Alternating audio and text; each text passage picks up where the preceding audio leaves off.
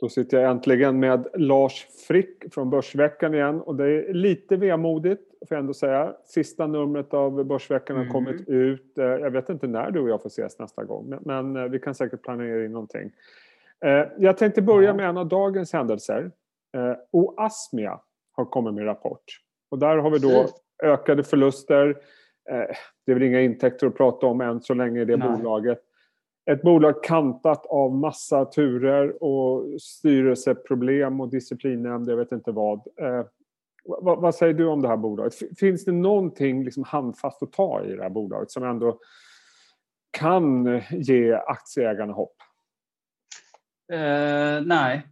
Eh, vi har okay. faktiskt haft köprekommendation. Jag har haft det en gång. Ja. Det var ett par år sedan. Då, men då hade man bland annat genomfört en stor emission man hade ett godkänt preparat. Det kändes som efter mm. alla turer, nu finns det ändå någonting här. Och har man ett preparat på marknaden borde man kunna se köp. Det blev ju fel.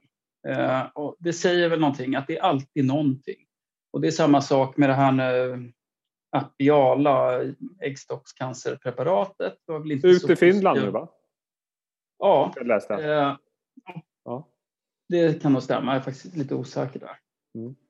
Och de hade problem redan 2018 där. Eh, de lämnade in registreringsansökan, eller ja, eh, ansökan till Europeiska läkemedelsverket och EMA som krävde förlängning. Vi vill veta mer. Det drog ut tiden och här var ju som sagt mitten på 2018, så det är ett tag sedan.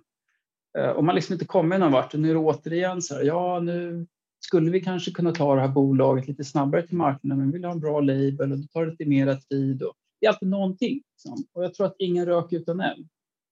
Turnaround-kandidater är ju spännande. Det kittlar ju att plocka ett bolag som har tillfälliga problem, kurserna värderas ner, men man ser att här finns något spännande som man kan vända.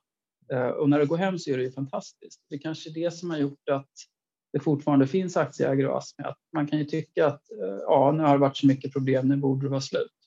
Men eh, det är det ju inte det har ju funnits några delar. Jag tyckte de hade en veterinärdel som var lite så här, intressant, men den är ju avknoppad. Och, eh, så att, nej, jag tycker inte det finns något att ta på här. Du låter inte superentusiastisk med andra ord för en, en eh, nej. för här bolaget. Eller hur? Om man tar andra bolag med problem, då tar Getinges mm. mångåriga problem. Där. Um, det var ju en riktig ökenvandring för aktieägarna. Det är ju ett bolag som har otroligt mycket tillgångar marknadsmässigt med varumärke och distribution, produktmässigt. Ja, men det fanns ju någonting. Och stark ägare. och stark, precis, och det ska man inte underskatta, som kan vara med och hålla bolaget i handen under hela den här tråkiga resan. Och till slut vänder det. Mm. Uh, men inget av det här finns på plats för oss. Då vi har ingen det. rekommendation i bolaget. Ja, kan vi lämna det och prata om roligare saker? Vi struntar i det och så eh, börjar vi åtminstone initialt med något som är roligare. Jag tänkte vi ska titta på Eh, ni har ju liksom summerat året här nu utifrån mm. vad ni har haft för rekommendationer. Och jag tänkte att vi tar en titt på det som har gått bäst. Men mm. också det som har gått sämst, era råd. Och vi börjar Båda sidorna ska med. Båda sidorna ska med. Eh, mycket småbolag. Jag tror Swedish mm. Match är väl undantaget om inte jag har fel som Just är med på topplistan. Men om, om vi börjar titta på det som rekommendationerna som har gått bra Sinch är topp, givetvis. Mm. Eh, helt mm. fantastisk utveckling för det bolaget och den mm. aktien i år. Hur skulle du annars summera de positiva köpråden, de som har gått bra? Ja, jag tycker det är väl ett par eh, grupper där av de här tio, så grupper kanske inte i dem, men mm. dels har vi Sinch förstås, men även Generic. Eh, och båda är verksamma inom kommunikation, digital kommunikation, och där ser väl vi att det är två saker som har hänt. Dels givetvis covid-pandemin som gör att kunna, allt som är digitalt är intressant. Eh, men det finns också en annan trend där att eh, bolag söker nya typer av marknadsföringskanaler och olika sätt att komma i kontakt med sina kunder. Och där har ju både Generic och Sinch, men kanske framförallt Sinch, varit rätt positionerade. Så det är ett segment som växer. Alltså, det är två trender som har gett riktigt bra avtryck i kurserna. Okay. Det andra temat är biotech och det tycker jag är intressant att det finns på både vinnar och förlorarlistan. Det mm. åskådliggör ju ändå lite hur branschen är. Det är ganska digitalt. Ganska binärt. Binärt, ja. Precis. Inte digitalt. Nej, det är... um, så det, det, är antingen eller. Och vi har ju några antingen då. Caliditas till exempel, fantastiskt bra bolag som vi fortfarande har köpt. Och på Flora-listan då IRLab som det var stolpe ut studiemässigt. De nådde inte hela vägen fram. Så det är nu nya tag. Och, eh. om man tittar då, på, som sagt det är intressant att notera att uh, Swedish Match är det enda, mm. du ska titta efter storbolaget som är med på mm. listan och gått otroligt bra. Uh, om vi tittar på förlorarlistan, du nämnde några exempel, men, jag noterar mm. också att såväl Hoist som Resurs är med. Mm. De brukar ju klumpas ihop som nischbanker fast det är väldigt ja. stor skillnad på de här två uh, bolagen som man tillägga. Men, men vad säger det? Finans ja, det har ju varit lite dött. Ja, verkligen. Finans har varit lite dött. För storbankerna betyder det kanske lite trött kursutveckling, men nischbankerna har ju verkligen imploderat. Och det har ju varit en väldigt volatil resa de senaste tre, fyra åren. Ett tag när man tittade på tillväxt eh, så såg det ju jättespännande ut. Med då mindre lån, kortare, kortare kredittid och så vidare. Och det det är någonting som verkligen har exploderat. Men jag tror på de senaste ett eller två åren som man också kanske uppmärksammat riskerna lite mer. Riksbanken har varit ute och pratat om att konsumentlån är en kategori som växer oerhört snabbt och redan nu är ganska tungt i den totala utlåningen, inte minst om man ser till, till risken. Um, och det har väl fått en del investerare att dra öronen åt sig. Och sen så nu är vi i en period när man kanske ser större kreditförluster och när det går upp för storbankerna pratar man om punkter och för de här bankerna kan det handla om procentenheter. Så det är en väldigt stor eh, Får jag ställa en annan fråga angående förlorarna? Ja. De här, om jag har tolkat de här tabellerna rätt så är det här mm. både på köp och säljlistan, det är aktier som har varit med sedan eh, senast 12 månader sedan. Eller hur? Så att, Precis, så det är i princip 2019 men det är inte kalenderår utan det är nej. 12 månader. Och om jag får, ehm. av de här förloraraktierna, hur, hur många mm. har ni liksom tagit stopplossen i och slängt ut? Eh, är det några av de här ni fortfarande tror på? Och, och fortfarande har med i ehm, portföljen? Det är väldigt olika. Jag har ingen siffra på det, utan det här är siffror fram till så länge vi ägt dem. Och för rätt många så försöker vi att bromsa förlusten och ta stopploss. Okay. Sälja, så då är det förlust fram till och med försäljningsdatum. Men eh, det där redovisar vi varje vecka. I, vi har en tabell, så gick det. Då kollar vi på råd för 52 ett år sedan. Hur gick det för de råden vi hade då? Och då skriver vi alltid om vi gjort förändringar under resans gång. Stoppade på kursen X eller tog hem vinst. Ja, ja. Du, eh, innan vi går över till avslutande eh, ämnet för dagen. Lite, lite kort bara. Hur tänker ni inför 2021 då? Vi har ju haft en, eh, ett galet år. Ja, ett galet år. Jag har nog Aha. aldrig upplevt något liknande eh, under mina år i den här branschen.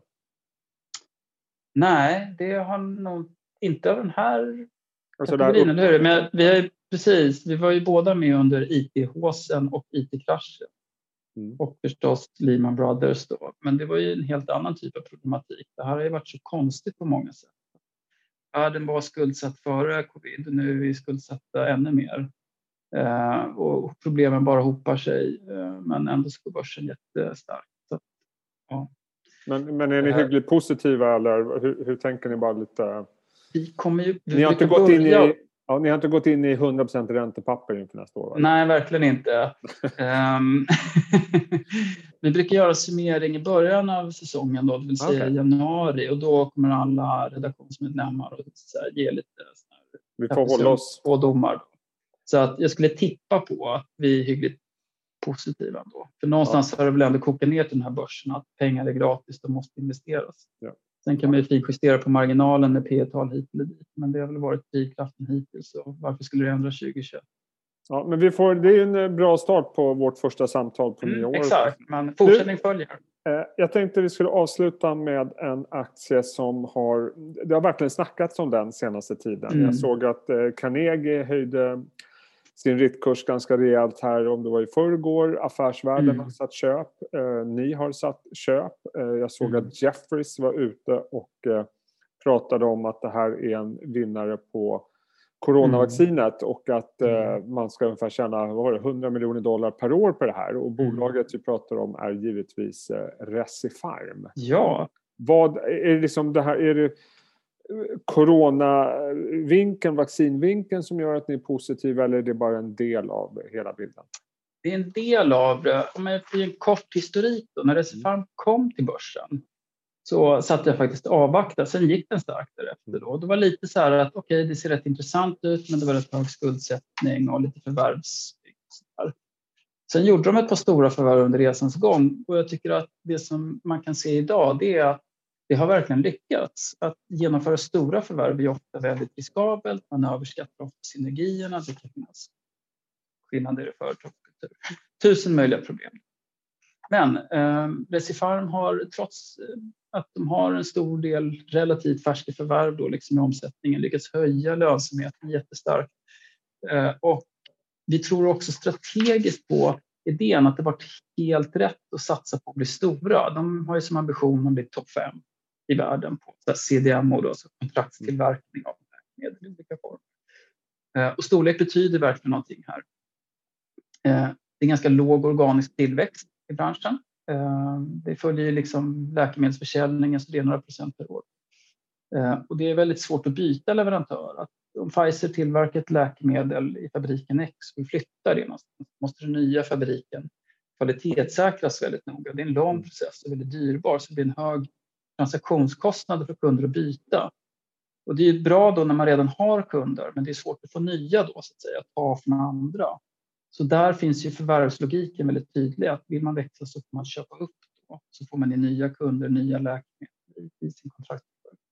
Det här har man verkligen gjort och man har gjort det bra. Så att det är väldigt övertygande och jag tror att de närmaste åren kanske blir lite mer av eh, kanske mindre fokus på expansion och så konsolidera, höja lönsamhet och utveckla den plattform man redan har. Och det enda minuset egentligen för Recipharm är skuldsättningen som är hög och det är fem gånger ebitda ungefär. Det är väldigt högt. Ja, de gjorde väl ett stort förvärv ganska nyligen? Som, som Exakt, och det fick ju skuldsättningen att gå. Om jag får, får fråga lite så här äh, smålarvig fråga. Jag menar, vi har ju sett det här året, jag pratar om att det, det varit... Fråga. det har ju varit liksom ett eh, unikt år på många sätt. Vi har sett mm. enormt stora rörelser på upp och nedsidan mm. och vi har sett eh, kan jag tycka ibland, vissa överreaktioner på mm. aktienyheter och så vidare. Jag menar, Fasadgruppen kom till börsen idag och de gick upp över 25 procent. Eh, och vi har sett enorma rörelser. Alltså, nu, nu har ju Recipharm gått bra i år, den är upp 30 procent någonting och det, ska, mm. det är inte dåligt alls. Men jag trodde ju liksom när det här med coronavaccinet och det kom fram att de också skulle kunna eh, vara vinnare på det. Då trodde jag ju marknaden skulle samlas kring den här aktien som en sockerbit och det skulle liksom bli mm. fullständigt explodera. Mm. Jag säger mm. inte att det skulle varit rätt, men jag säger bara rent eh, flödesmässigt. Eh, hur ser ni på aktien? Och, för det känns ju ändå som det här är en ganska big deal för dem. Ja, verkligen. Och jag är också lite förvånad att det finns ju mycket annat som i covid-spåret har skenat. Något helt alldeles absurt. Handspritsbolag som mm. aktiekursen flerfaldigas på några månader och sådär. Och så har vi då Recipharm som får eh, i uppdrag att tillverka ett av världens just nu tre viktigaste läkemedel. Eh, Modernas covidvaccin. Eh, och sen har vi Pfizer. Så det är dels viktigt omsättningsmässigt. Men symboliskt? Man, liksom. Precis, det, ja. det, är väl det också. Det är en fjäder i hatten. Att tänka att få det ansvaret. Det är ju ändå, tycker jag, fantastiskt stort att Recipharm får det förtroendet för Modern. Det är ju um, dels inte bara viktigt då, utan det är också en svår produktionsutmaning. Det ska ju gå fort. Det är en enorm kapacitet som måste växlas upp och då kunna säga att vi tar det här och vi kommer klara det med befintlig kapacitet. Det tycker jag är ett styrketecken. Så att, mm. eh, de har gått bra, men de borde gå mer.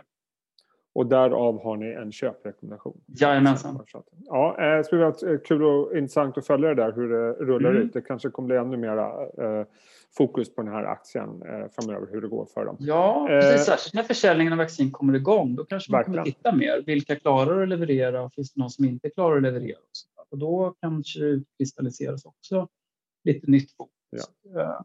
på det här. Ja, spännande. Det vi vet med säkerhet i varje fall att eh, Lars Frick levererar.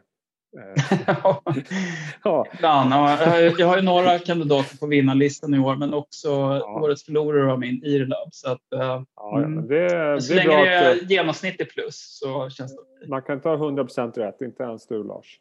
Eh, hörru du, eh, Kul att se dig. Eh, jag vet inte, det är väl bara att önska Samma. god jul och gott nytt år. Och så ser jag fram emot eh, tankarna eh, inför 2021 inom kort här.